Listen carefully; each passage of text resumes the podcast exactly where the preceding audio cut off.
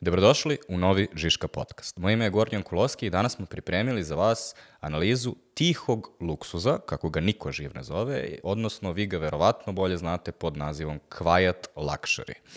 Verovatno ste ispratili da je trenutno u vrhuncu serija Succession, možda ste ispratili suđenje Gwyneth Paltrow i vezano za te događaje počelo je, da se, počelo je dosta da se priča o modnom trendu tihog luksuza, odnosno luksuznih brendova i proizvoda koji nisu vrišteći, ne skreću pažnju na sebe, nemaju velike brendove koje svi znamo, već su mnogo subtilniji, ali su isto tako luksuz.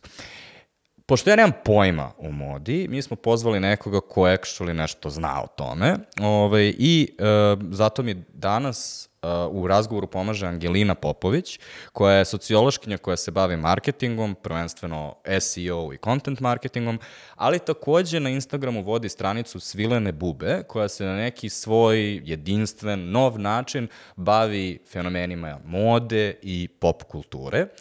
Sa Angelinom sam razgovarao o tome šta je tihi luksuz, kako ga prepoznati, koji tačno brendovi u svetu važe za tihi luksuz, zašto je sada tihi luksuz postao toliko vre, vredna tema i na kraju u našem podcastu čućete gomilu veoma interesantnih primjera iz Srbije koji se možda smatraju, a možda ne tihim luksuzom.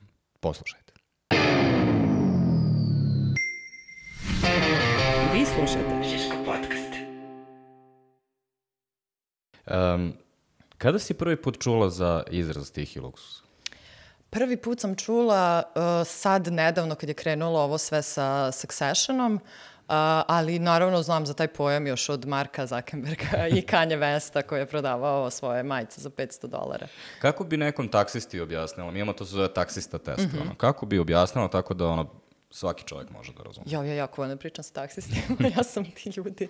Ovaj, pa objasnila bi mu, to je ono što ovaj, jedan procenat stanovništva nosi. Znači, to su ovi Elon Musk, eh, Mark Zuckerberg, ovi što vode Facebook, eh, ti ljudi koji su ultra, ultra bogati, oni žele da se razlikuju od onih koji su srednje bogati i ovaj, moraju da nađu neki način komunikacije odećom. Samo mi reci da raspale majice koje nosi Elon Musk su u stvari koštaju u fazu nešto 500 dolara, šta? Joj, ne znam, možda i 1000. Mislim, stvarno izgleda Zezaš me. da. Ja, znaš koje su majice ili? Uh, mislim da sam pročitala negde ove Brunello, Cucinelli, tako nešto. To je neki To znam brand. da Ma Mark da. nosi, Da. ove, što je interesantno, ali znam da Elon uvek izgleda, Elon uvek izgleda kao da je ono, probudio se u šupi i neka majica je bila tu da. i on je to poneo ili to ili neki gunj, kao bukvalno tako izgleda. Da.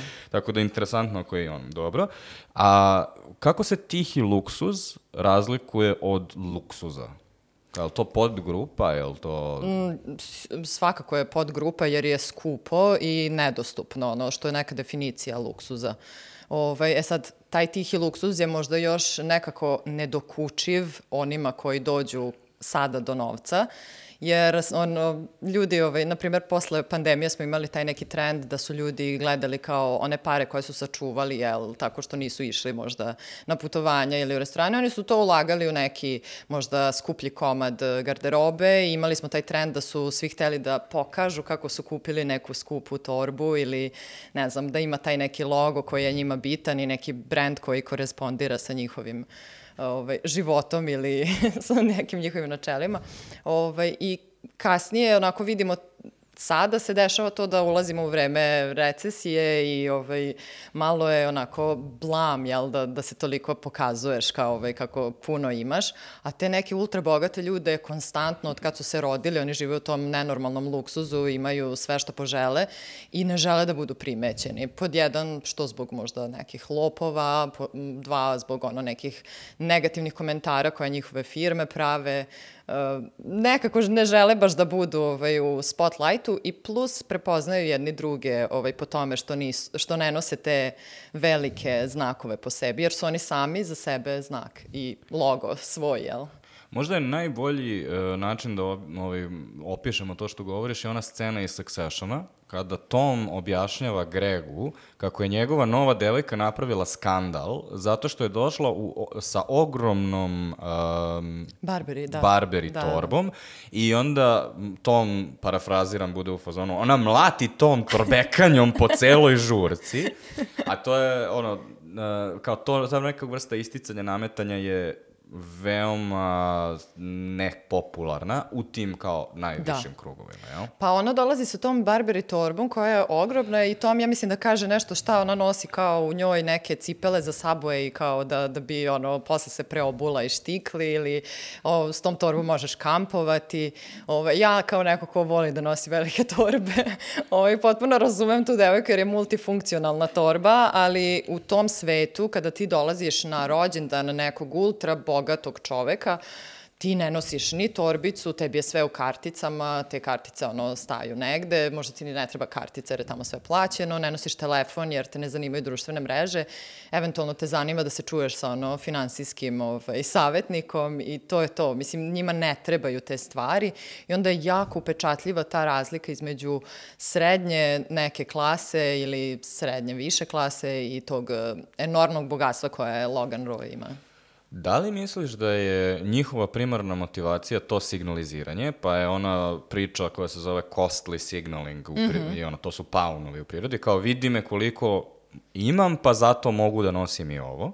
Ili su oni jednostavno toliko su navikli na sve to i njima je ona, prirodno da odu u Bottega Cucinelli ili šta god kako god se zove, kao što je meni prirodno da svratim u ono, Springfield ili Tom Taylor. Pa mislim da im je sad već kao prirodno. Oni odrastaju u tome jer su oni taj old money, ono, njihove mame su se tako oblače, tate su se tako oblače u tim brendovima, oni nisu naučeni da ovo drugo uopšte uzimaju u obzir, ali naravno da kao i svaki komad odeće komunicira sa ostatkom sveta i uh, možda ono kada žele, ne znam, kao ono Audrey Hepburn kad pobegne, ono, ovaj, kad je princeza pa pobegne da ide kroz Rim, znači oni nekad mogu možda i obući neku marku ako žele da se uklope i da deluju, ovaj, Ma da ne verujem da im se to dešava uopšte. Kako je moguće onda da paralelno sa tihim luksuzom uh, postoji uh, i šta bi bilo suprotno, vulgarni luksuz, da, jel? Da, uh, I onda imamo Donalda Trumpa koji stoji u svojoj zlatnoj kancelariji, ima, te, ima WC sa zlatnom WC šoljom.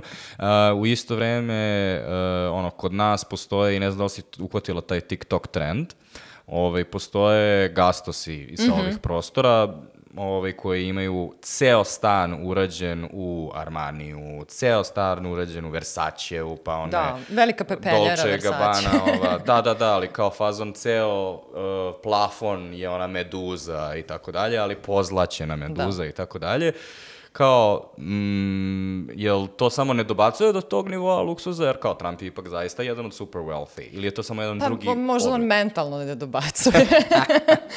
Ove, ja, ja sam... Uh, Ja sam sa te strane, jel, odmah da se deklarišem, ovaj, anti-Trump uh, i ovaj, kao, i, kao i većina tvoje slušalca, verovatno. Ovaj, ali fora je da, da ne dobacuje taj mozak, on je neko ko jako voli da se hvali sobom, ko jako voli da, ja, ja, ja, pola njegovih mitinga je šta je on uradio za dobrobit mm -hmm. Amerike, ovaj, i to su neki ljudi koji žive u tom nekom, možda on ima i taj deo što je iz te neke generacije, kad se tako pokazivalo da si bogat, jer on ipak je gradio te neke oblakodere, ono, po, i to je njegovo viđenje bogatstva i ima taj neki možda, rekla bih, ono, Jesi seđaš Trumpove slike kada igra tenis? pa mu ispalo dupe, to je zato svi da. koriste. Da, e, ovaj, ali seti se te slike i sada pokušaj da ga ispraviš, da, ne, da, da nije da dupe stoji. u prvom planu, ali sećaš se, on u stvari ima uh, polo majicu mm -hmm. i mhm. preko toga ima onaj prepi džemper da, da, da, da. i on u stvari izgleda ovaj quiet luxury. Njegova rezidencija je Mar-a-Lago, koja, ok, ne izgleda kao njegov Trump Tower, mm -hmm. nego je klasičan country club. A gde je quiet luxury nego najprisutniji nego u country klubu? Da, jel? da, da. Pa on mora tako da živi, jer živi sa tim ljudima. Znači, možda je to neki njegov kao stilski moment kad on, ono, možda on ono više voli i preferira i više bi se oblačio kao neko ko ono, pokazuje sve, jer je to taj personality, ono, to je osoba koja voli da svi znaju da on ušao ovaj, u prostoriju. Ja bih pre rekao da je možda um, ovi trendovi o kojima pričamo, modni trendovi, bilo kakva vrsta kreativnog trenda, ne možeš ih zaista ograničiti ono u jednu kutiju da. i kao moguće je da jedna osoba jednog dana izađe tako što se obuče u quiet luxury i da mm. sledećeg dana bude opulent.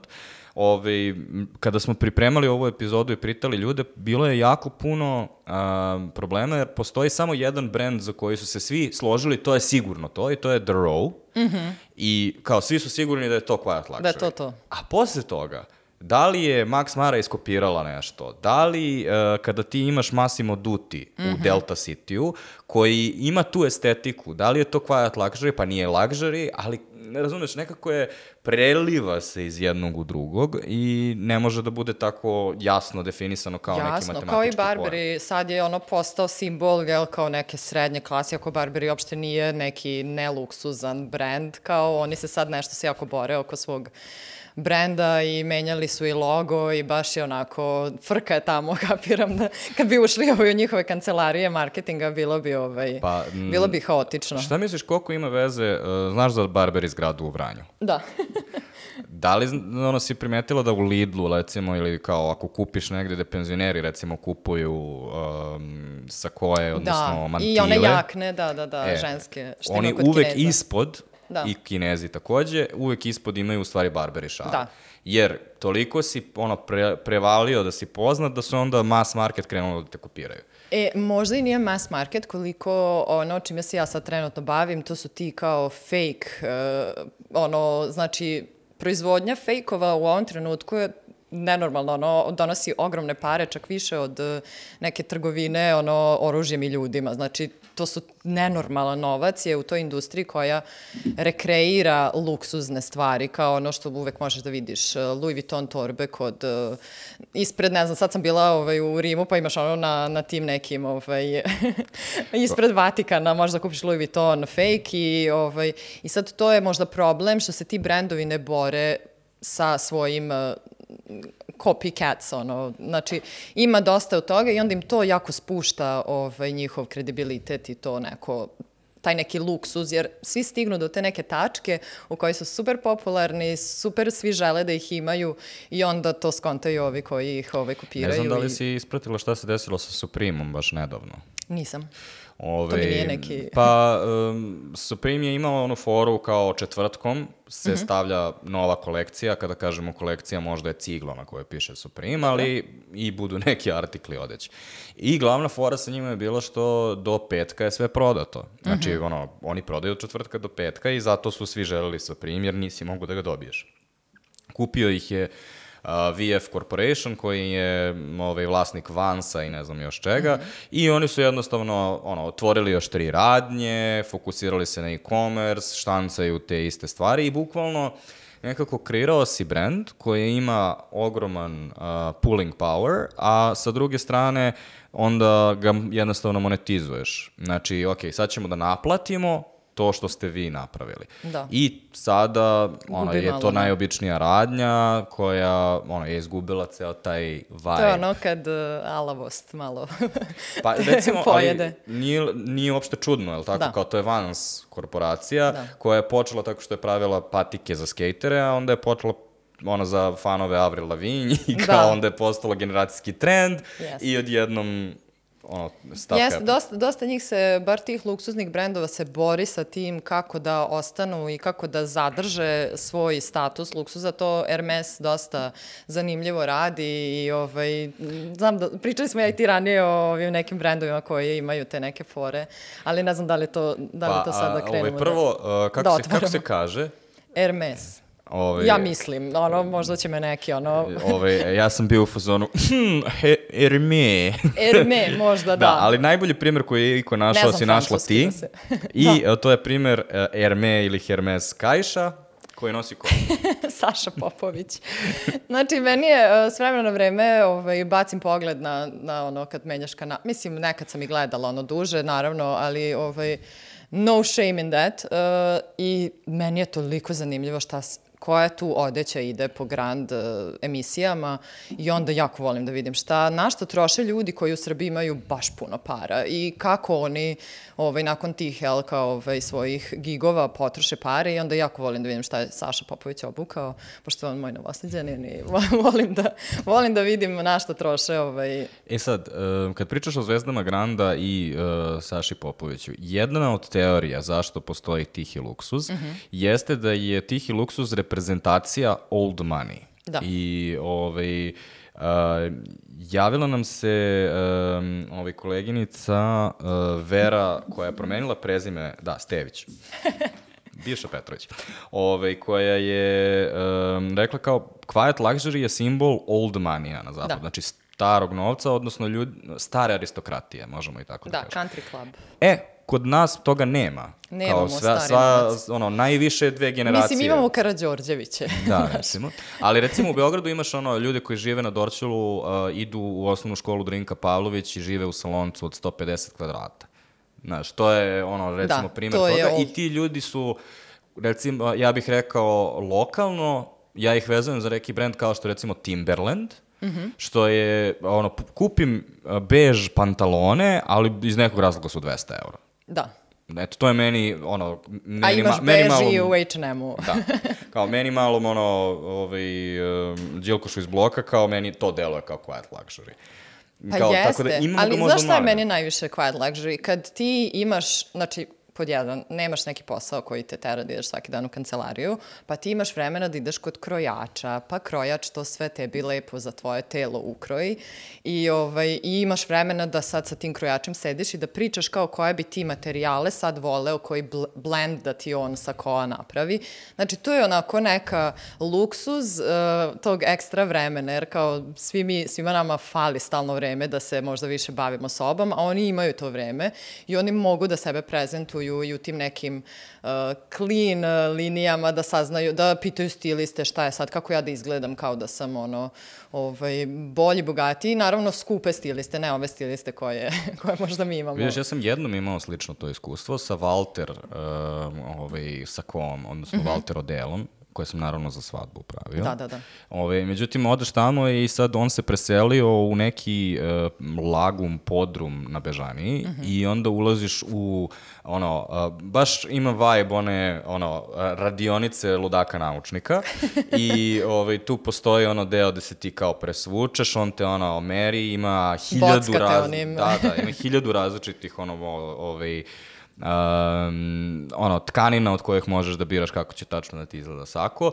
i onda postoje te neki, neki trenuci koji nisu ono predviđeni i ovaj, gde ono happy accidents, bukvalno, gde ti ono izabereš recimo tkaninu, a onda on treba da ti nađe ono tkaninu koja ide ispod. Mm -hmm. I kao, onda on bira nešto od praktično otpadaka od drugih, ali onda to bude neki kontrast i onda ti od toga napravi kvaravatu, tu na licu mesta ti zaveže nešto, wow. to izgleda kinda cool i ti si u fazonu It's magical! ti si ona pepeljuga, on je one ptičice da. oko tebe. Ove, ali hajde pređemo na, time, na to zašto sada odjednom Quiet Luxury postaje Aha. bitan. Tu I da rekli smo Succession, ovaj, koji kada ova epizoda bude iz, izla, izlašla, da. ovaj, će da bude um, posle ovaj, finala. Posle finala. Ovaj, svi uh, trenutno, vi znate, a mi se mi mislimo da li će Shiv ili Kendall da pobede. Um, ali, pored toga, desilo se suđenje Gwyneth Paltrow. Joj, to je da. iz nekog razloga jako lansiralo. Jako bilo javno, da, jako je bilo javno to suđenje, baš su svi, mada bilo javno i ono sa Johnny Deppom, ali ovo je bilo zanimljivo zato što smo svi gledali to suđenje koliko god besmisleno bilo.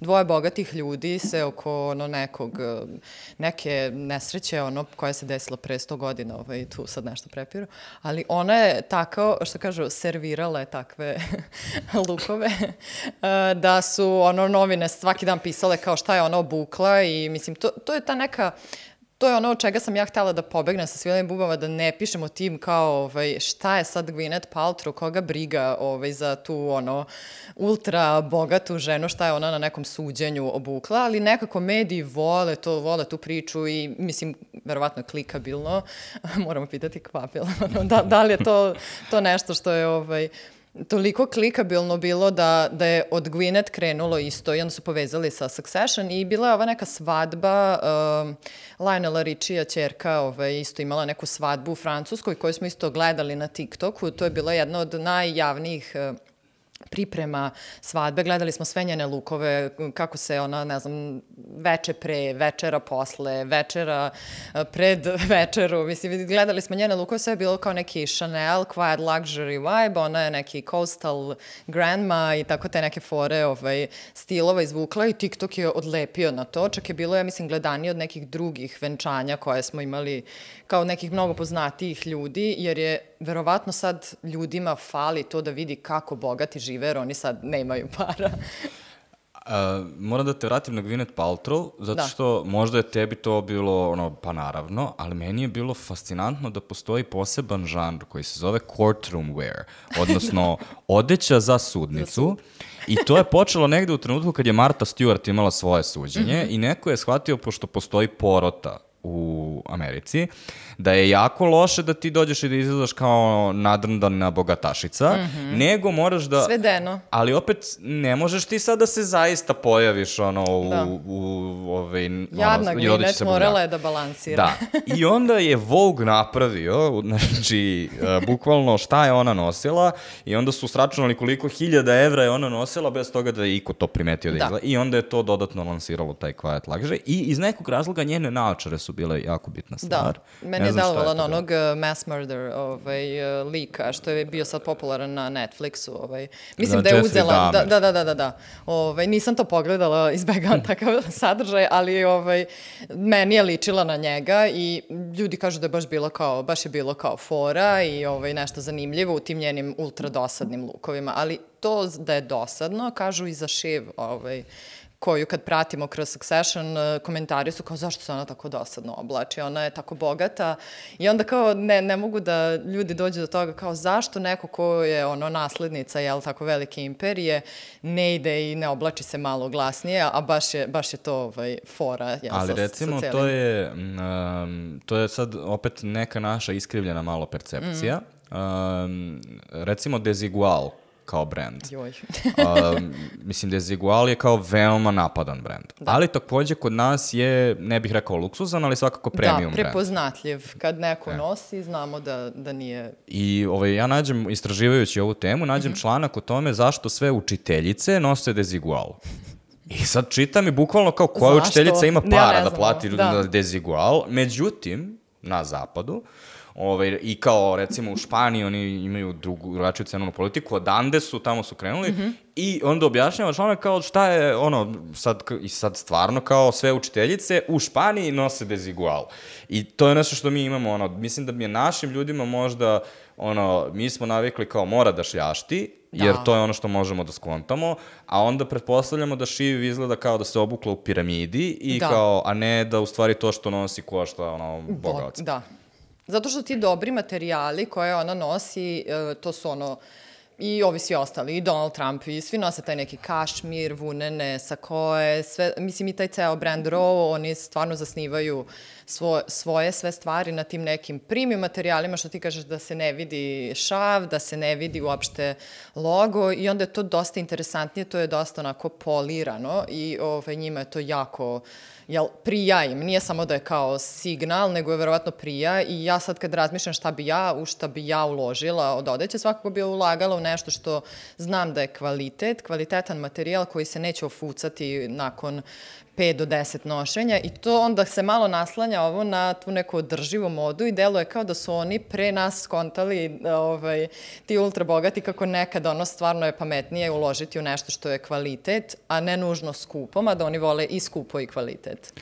Na, idealan primjer za to su majice Marka Zuckerberga, jer da. uh, pored toga što su pravljene od posebne tkanine, pored toga što se posebno prave za njega, tako da su za njegov body mm -hmm. type, i pored toga što ih prave tako da nemaju šavove koje njega svrbe, postoji još jedna stvar koju svaki luksuzni brend mora da ima, a to je moraš da imaš priču koju prodaješ i ovaj Brunello Cucinelli je u stvari zaposeo cijelo jedno malo ostrvo u Italiji mm -hmm. i mhm. pretvorio to u svoju malu grad slash fabriku i Mark je išao tamo da naruči svoje majice i onda je upoznao njega i onda on njemu priča o tome šta je priča tih majica, šta je priča brenda Brunello Cucinelli Da, da, da. i onda mu ispriča i o sustainability-u, ali mu ispriča i o tome kako je ovo zajednica, ali onda svi kada prolaze svi ovaj ono Mašu. direktoru mašu i tako dalje zbog toga što Svi čak vole. postoji priča da policajci imaju bolje plate nego bilo gde drugde u Italiji Wow. Mhm. zato što su svi kao lokalci, znaš.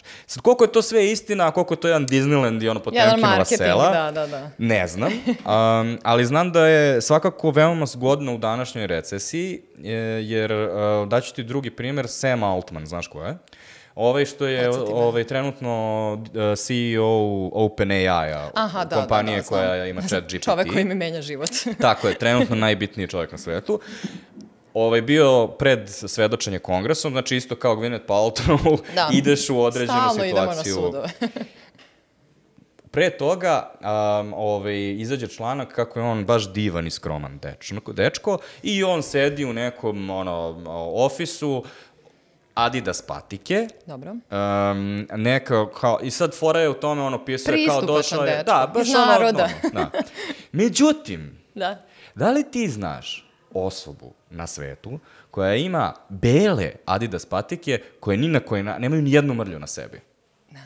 I, Jel ga nose do, Da, ovaj, ja sam do fazonu, kancelarije? ne, ne, ovo je, ovo je veoma čudno. To su oni ljudi što imaju ceo ormar belih eh, patika. To je ono kao, što meni nikad nije jasno kad gledam na TV-u, kako su vam stalno ultra čiste patike i jedino objašnjenje Zato što- što znam da u Americi ljudi imaju ono toliko tih pari, tih eh, belih patika da ih bukvalno ono...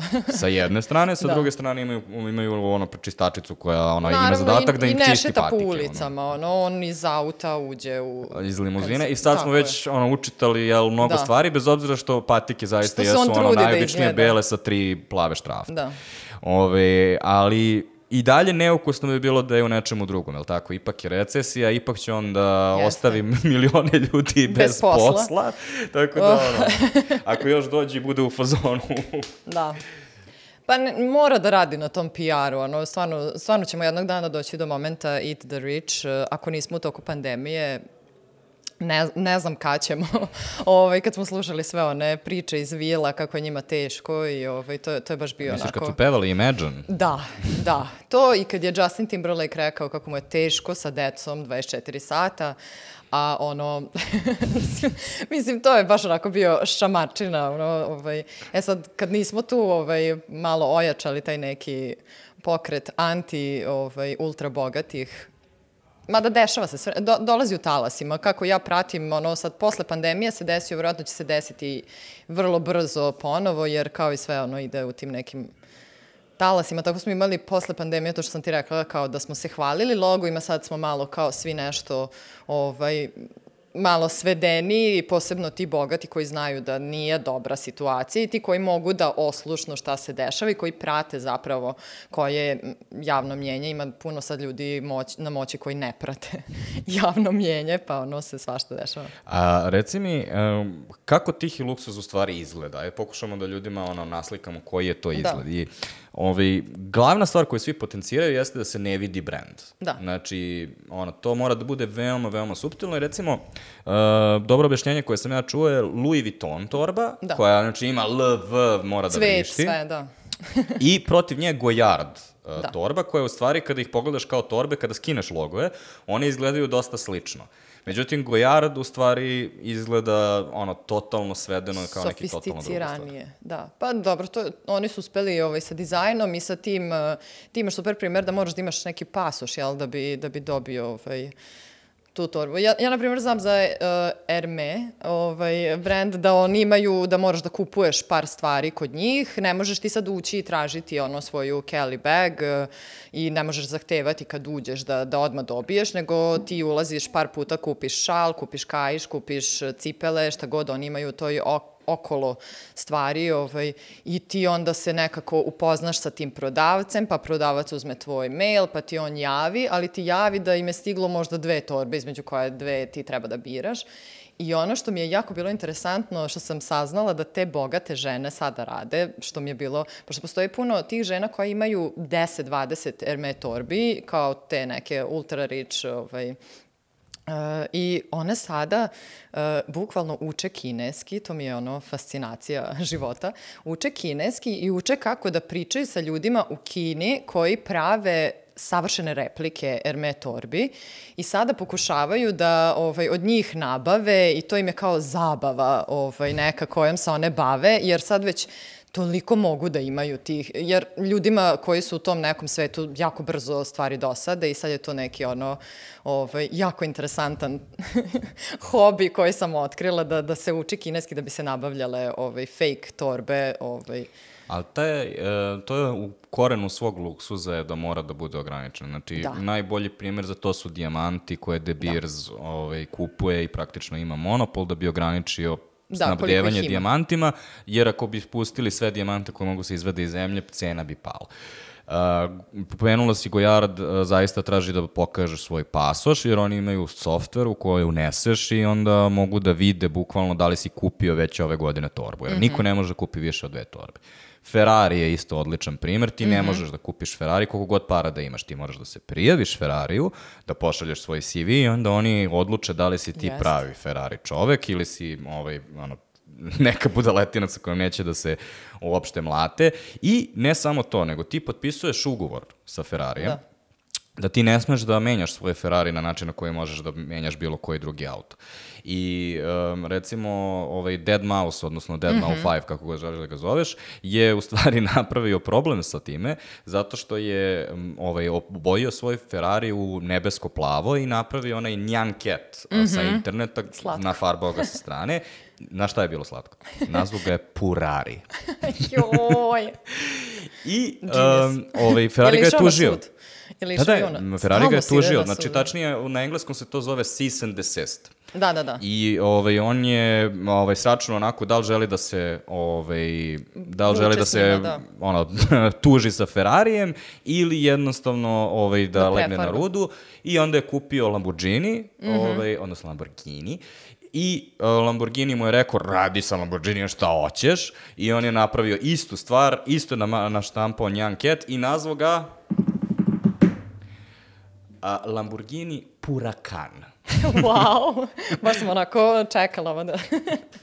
Tako da, um, ono, taj, Super. taj ono, um, scarcity, odnosno uh, ograničenost tog resursa je jako bitno da bi bilo šta bilo luksus. Ali znaš šta je recimo još nešto što je meni ovaj, jako zanimljivo? To je u nekretninama. Da. Kako izgleda tihi luksuz u nekretninama? Kao, kako, kako po tebi izgleda? Šta zamišljaš? Joj, ne znam, ja, ja zamišljam onu neku kao kuću in the woods, kao ona neka tamna, onako, kad Succession ljudi idu u Dansku ili gde idu da pre, pregovaraju, to mi je kao, znaš, ne, niko ne prolazi tuda, ali to je toliko ogromno i imaš ono tunele između i kao... Veličina je jedna stvar, da um, veli, visina plafona je isto druga stvar i uh, kada vidiš, na primjer u Successionu je Shiv i Ted, uh, Shiv i Tom. Tomov da. stan, da. Ako pogledaš pažljivije kako on izgleda, postoji jako velika količina praznog prostora da. i onda imaš jedan komad nameštaja koji je dizajnerski. I psa kojeg drže u onom, kako mene to nervira, znači drže ga u onom oboru. da. Um, ali to je ono, recimo kad pogledaš uh, stanove koji se u našim krajevima da. smatraju luksuznim, Uh, ovaj, znaš, znaš šta je recimo idealan primjer za to? Jel, znaš onaj luster koji je onaj u stvari stakleni... oval, ne, nego oval sad imaju fazon da je oval od leda. Mm -hmm. I onda imaš da, tri da, da, ovala da, da, da, koji su naređeni ovaj, malo ukrivo jedan na drugi. Je... I iz nekog razloga svi renderi svih luksuznih stanova imaju iste ta Isti tri taj. ovala koja postoje u Ikea. Svi ćemo imati iste stanove. Da. A recimo, kada pogledaš baš ono Succession i te stvari koje, se, koje važe za tihi luksuz danas, ono što uh, vidiš je taj brutalizam, ali ono što je stvarno um, luksuz je prostor, visina i šta je okolo. I znači, art. Da, da. Da, ima ono super TikTokova koji istražuju šta je jel u pozadini. Mislim, obožavam ljude koji ono idu u te ludačke detalje, ali uh, gledala sam par TikTokova koji kao istoričari umetnosti objašnjavaju koje su slike na zidovima u ovaj, jelu kao kancelariji Logana Roya, kao ili šta smo mogli da vidimo u pozadini neke scene, ono, ovaj, i sad to mi je uvek ono zanimljivo da vidim, to su neke slike koje kao ne mogu da vide ljudi u muzejima, nego su iz privatnih kolekcija i oni su verovatno radili reprodukcije toga za, za potrebe serije, ali toliko su išli u te sitne detalje da čak i nešto što je zamrljano u pozadini onima koji znaju, oni znaju. I to je taj quiet luxury, ovaj, zapravo njegova uzrečica je to ono, those who know know. Znači, Oni koji znaju će razumeti. tako je. Um, šta znači tihi luksuz i da li je tihi luksuz u stvari odrasli luksuz? Da li svi vremenom gravitiramo ka tom stilu? Da. Pa ono što se možda tebi ili meni se sigurno desilo da kad idem na neke poslovne ili neke tako malo ozbiljnije situacije, gledam da, da se obučem malo onako bez logo, znači da ne dođem u nekoj ono Nike kačketu koji ili ne znam ja da ne dođem u trenerkama i nekako mi svi od tog vremena detinjstva kad smo oblačili možda neke mnogo glasnije kombinacije u toku života i odrastanja se malo ipak ovaj, izblenduje učestvujemo i nekako nas društvo ubaci u te svoje kanale i stisne nas da, da mora nekada. Mislim, ja da, jako ovaj, često nosim patike i odelo i dalje ja nosim odelo i nisam ovaj, E da, vidiš, e, se sećaš kad je Justin Timberlake prvi put se pojavio u skroz belim patikama i odelu? Sećaš da je to bila velika... Ono... Ja se sećam Lily Allen, meni je ona kao patike i haljina kad je izašao taj njen hit, to mi je bilo kao yes, kao konačno mogu ovako. Moja poenta je da nekako sve evoluira, je da. tako? I evo recimo uzmi mene sada, ja često imam isto tako ovaj, e, pitanje ono šta treba da obučem, na primer uh, bio sam predsednik žirija sad nedavno i treba da držim govor pred 150 ljudi, da predstavljam neku organizaciju i kao, jeli, ne mogu baš da, šta god hoću da stavim da, da, da. sebe.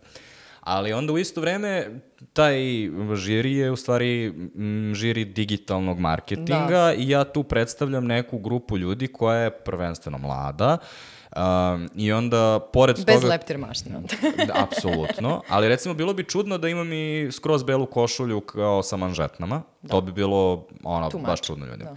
Ali on, ovaj, mene zezaju ovaj, u, ovaj, u porodici nekad kad se tako obučen, ti sad si u uniformi.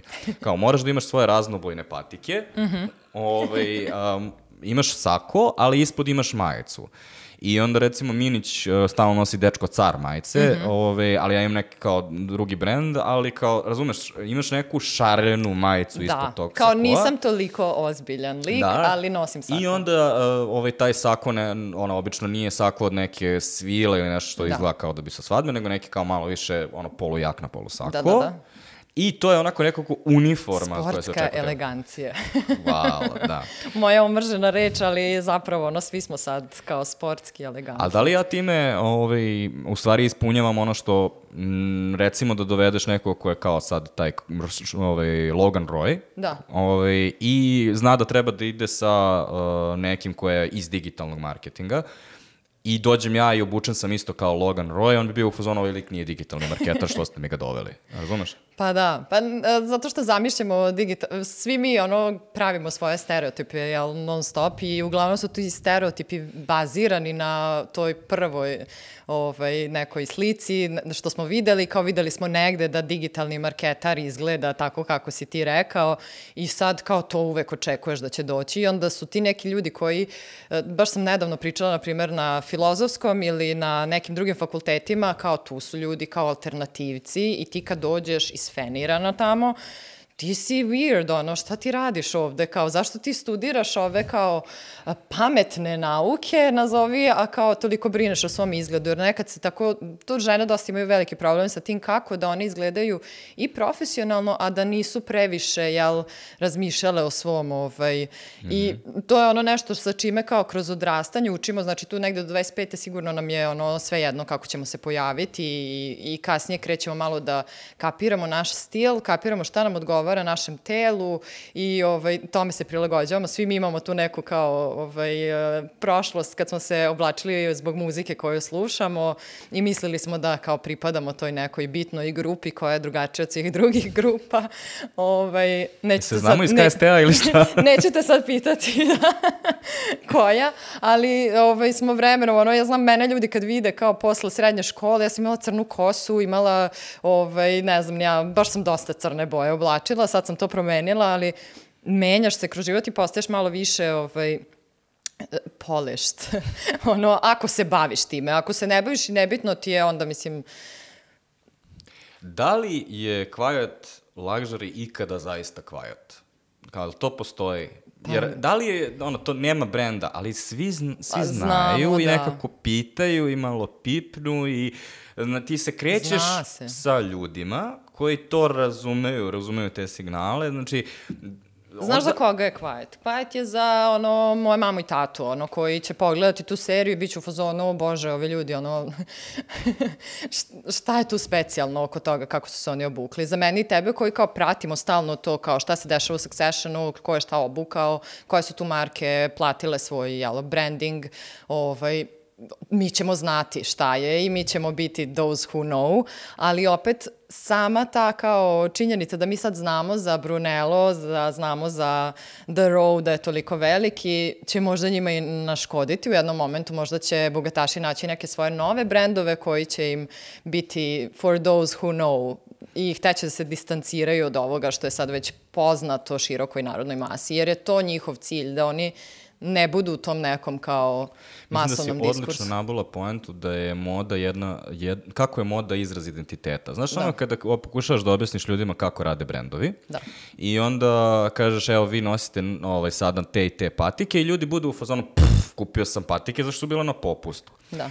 I ovo je u stvari odličan primer kako uh, ljudi komuniciraju različito. Znači, ako ja imam neku majicu koju ti razumeš, a tvoji roditelji ne razumeju, ja sam automatski iz tebe i sebe stavio u neku grupu ljudi koja se bolje razume i na taj način praktično gradim svoj identitet yes. kroz to kako se oblači? E, odeća je jako često conversation starter, ono, i kad e, dođeš na neku žurku ili, ne znam, nija pojaviš se u nečemu što je zanimljivo ili e, dešava mi se često u tim nekim krugovima u kojima se ja krećem da momci vole da obuku majicu nekog svog omiljenog filma koji možda je malo obskurni, neko ne zna za njega i onda kad naiđu na tog svog novog prijatelja koji je isti taj film gledao isto se oduševio, to je ono, jao, kao, i onda njih dvojica stvore neki svoj novi svet u kojem kao se dogovaraju koje bi još filmove mogli da ovaj, pogledaju. Isto tako i sa ženama kada ono skontaju kao da ova voli ove brend. Znači, kreće se neka, ovaj,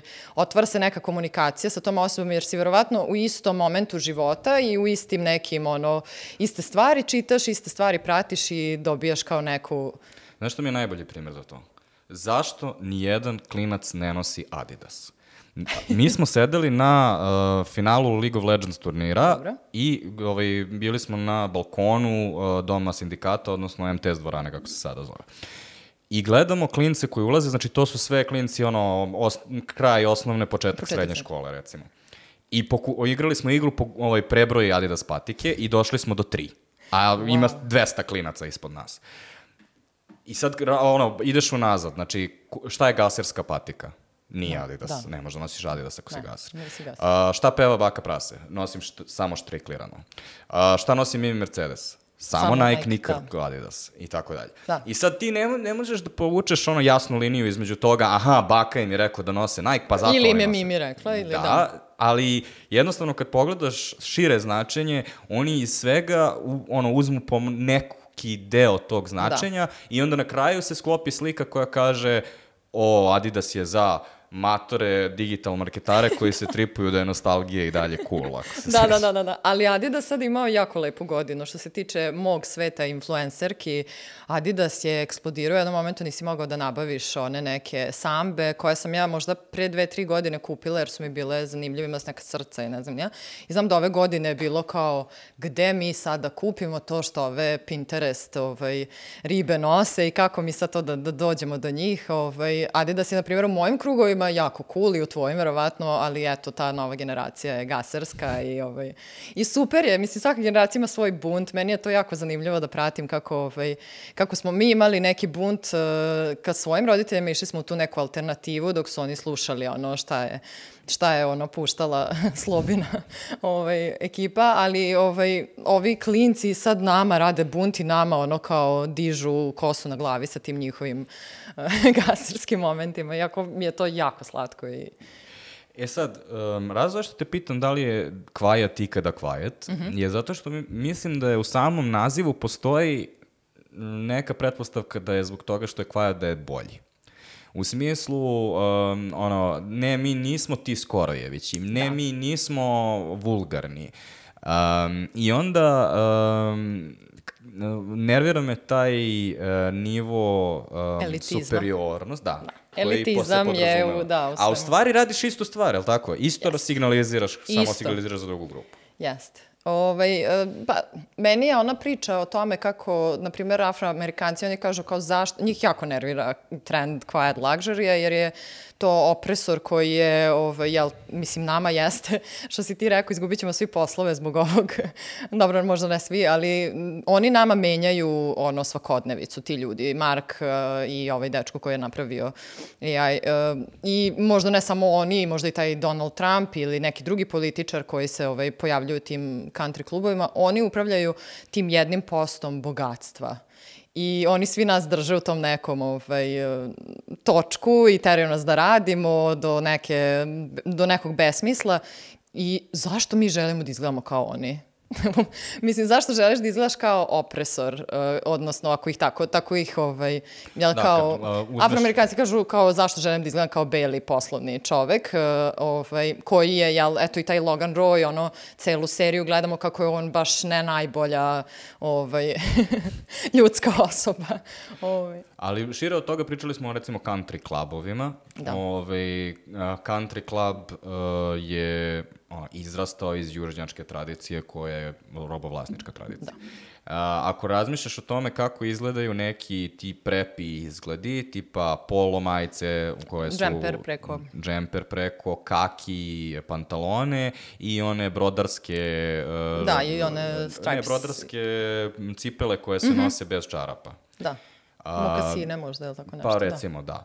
A, to je u stvari danas uniforma a, ovaj, alt-righta. Znači ljudi da. koji marširaju na, sa onim tiki uh, torčevima, odnosno da. sa ovaj, na marševima koji, ka, koji pevaju jevreji nas neće zameniti ili ne, neke slične parole. Da. Ti ljudi tako izgledaju danas. Znači ne izgledaju tako što... Na, kod nas bi ljudi obično pomisle na skinse da. Recimo, da. koji su više iz, ono, modno više iz rock tradicije. Ali tamo bukvalno Tako kada izgledaju. bi, rek, kada bi ga video, kada ne bi znao šta misli, del, delo bi baš lep, baš, baš fin mladić. Fin mladić, lepo se obukao. Da, a, ono, tamo to, ono, u Americi to već sada znači nešto nije u redu mm. s ovim, ovaj će do, ono, samo jednom dodati pištolj kao bešli da, svi. Da, da. Ovaj, I onda nije ni čudo što afroamerikanci da, koji ne dolaze iz te tradicije to odbacuju ali odbacuju tako što idu totalno suprotno. Odnosno, da. ljudi koji se najviše razmeću luksuzom su upravo reperi u svojim spotovima, ali tako? Jeste. I, ovaj, i ono što gubi, nekako, to što smo krenuli da pričamo o tome kako dete kada odrasta kao pa se uvlači u te neke kalupe, mi gubimo nekako svoj identitet oblačeći se kao ovaj, u te dosadne boje, u to, mislim, ko si ti onda zapravo? Jer možda bi trebalo i da pokaže ko sam ja kao individua i kako ja koncipiram svet, kako ga ja ovaj, doživljavam i trebalo bi da ima neki tvoj lični pečat i odraz, na primjer da nosiš nešto što je samo tebi cool ili ne znam ja, sad jako ljudima to teško, odnosno što ja kažem, nemamo mi vremena u ovom kapitalističkom društvu da sad otkrivamo ko smo mi zapravo, eventualno oni koji stignu da odu i na terapiju ili ne znam ja, ovaj, i onda možeš samo da dobiješ nešto, nekoga koga ćeš kopirati i nešto što će ti biti kao ugled i kao ugledno i onda ćeš biti u zonu, ok, volim uh, kako se oblači Kendall Roy, hoću tako nekako da izgledam, jel to ima negde ovaj, da se kupi i to ćeš pokupiti bez razmišljanja o tome da li tebi to uopšte odgovara uz tvoj lifestyle, da li ti je okay da nosiš ovaj, te neke stvari koje, tipa on ima neku šubaru ludačku ovaj, u jednoj epizodi, kao da, da, li to, da li si to ti ili je to samo kao video sam tamo da to bogati nose i kao sad ću ja to da... Ovaj... A i da li to uopšte postoji u Srbiji? Jel postoji quiet luxury u Srbiji? Jo, ja mislim da ne.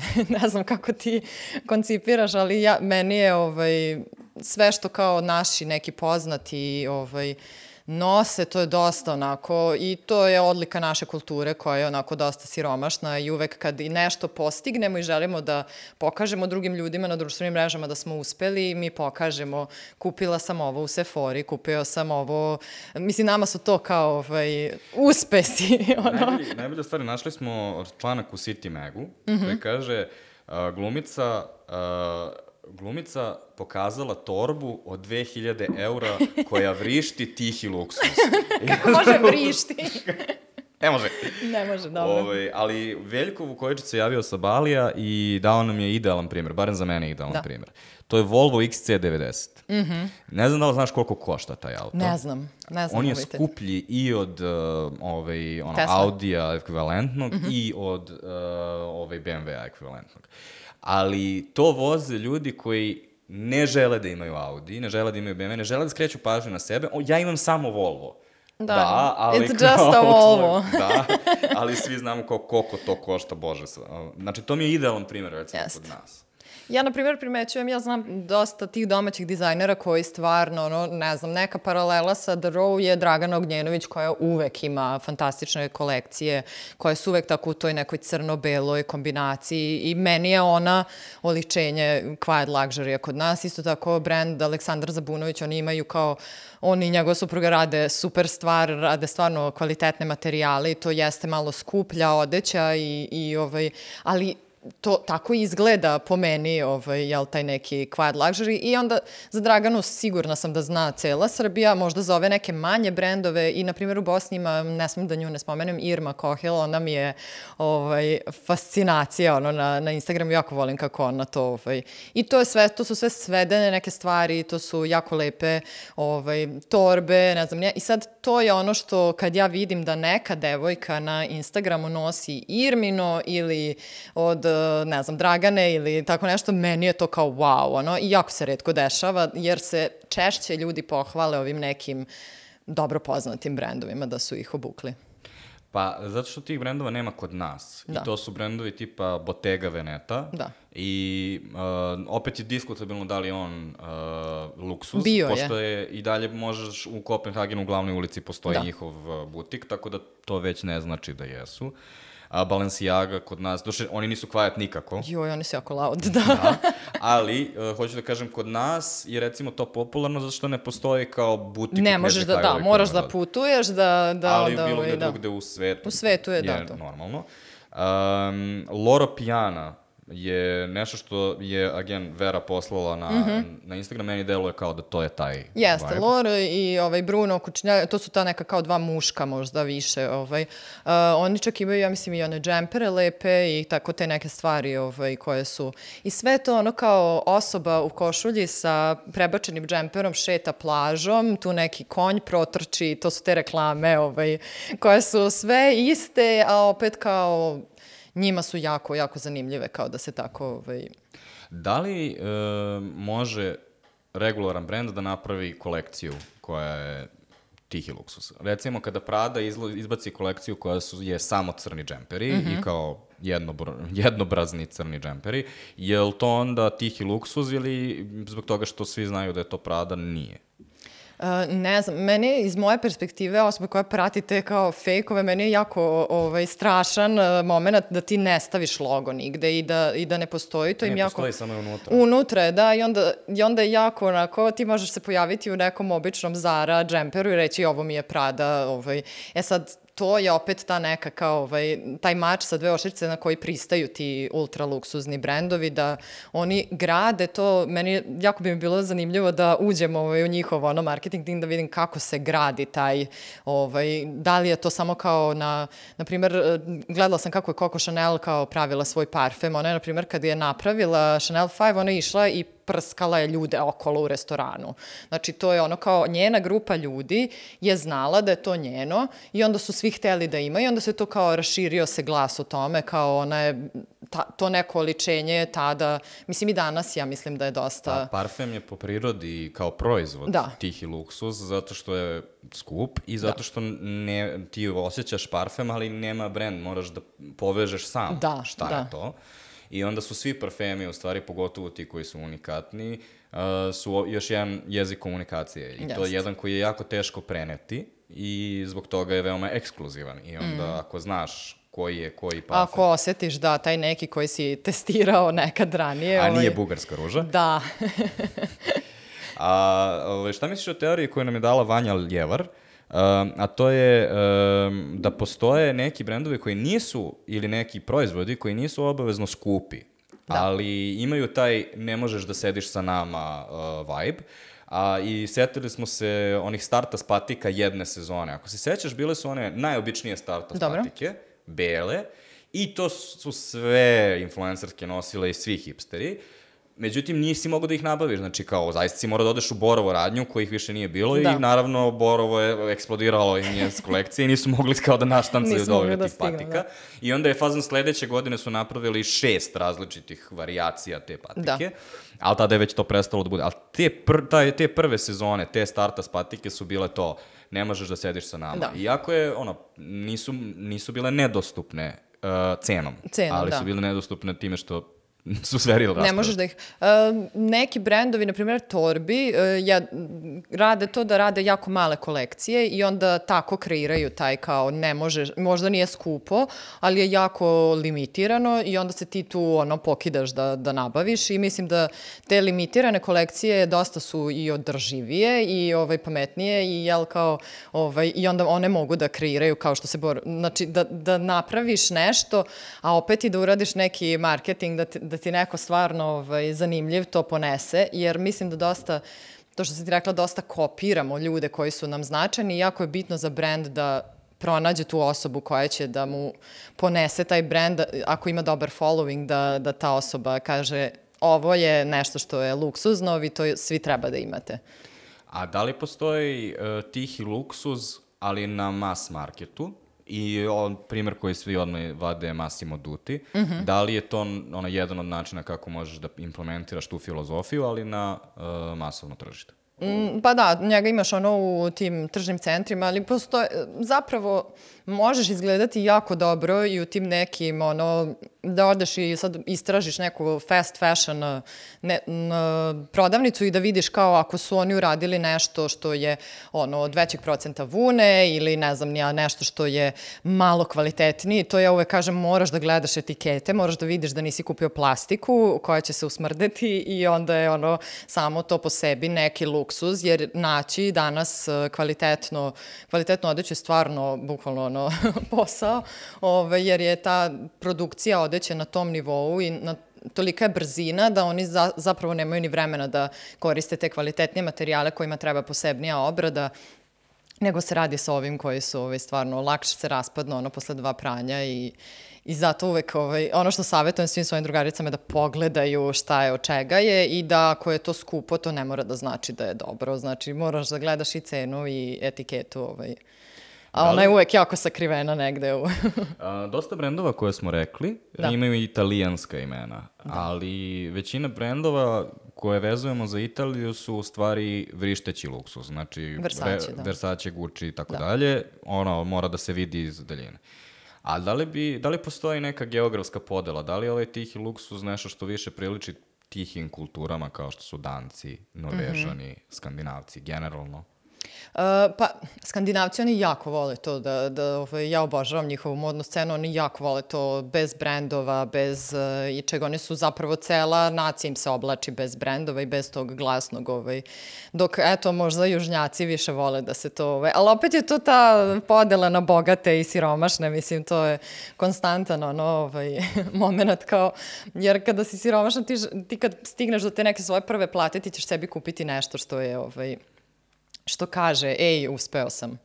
A da li je Balkan i Srbija mesto da tihi luksus dolazi da umre? I daću ti primjer.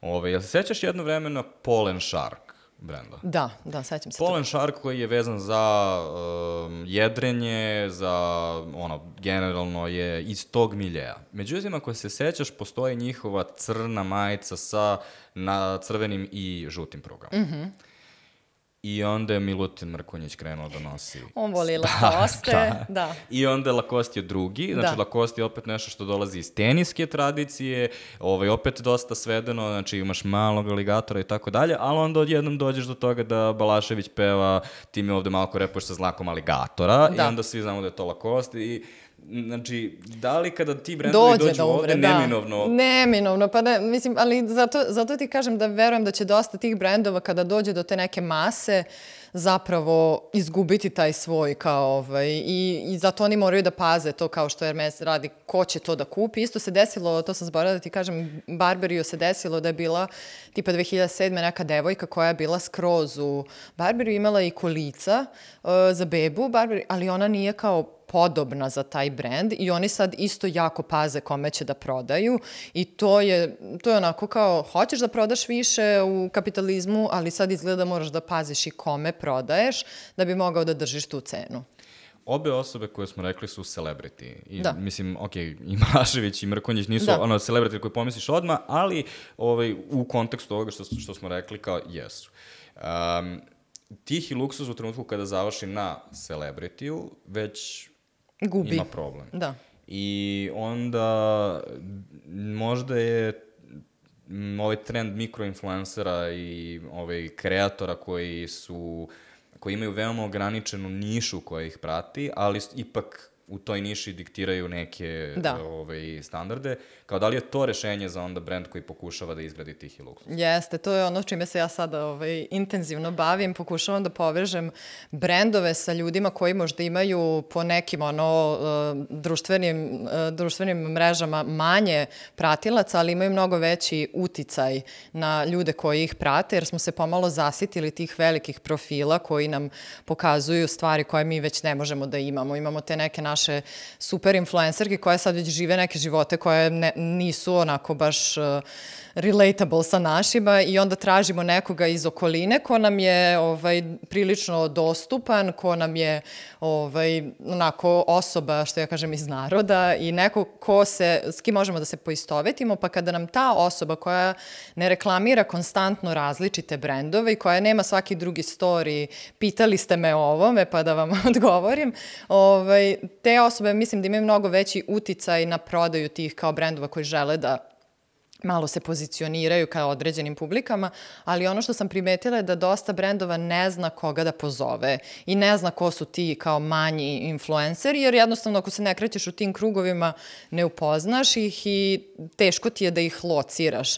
Naprimjer, meni bi to bio problem za neke druge niše tipa u sportu ili ne znam ja da ja sad otkrijem ko je tamo ovaj, jako interesantan ako se ja ne bavim i ne pratim sportske neke. Ovaj, ali... I kako bi neko mogao da pronađe mikroinfluencera u Srbiji?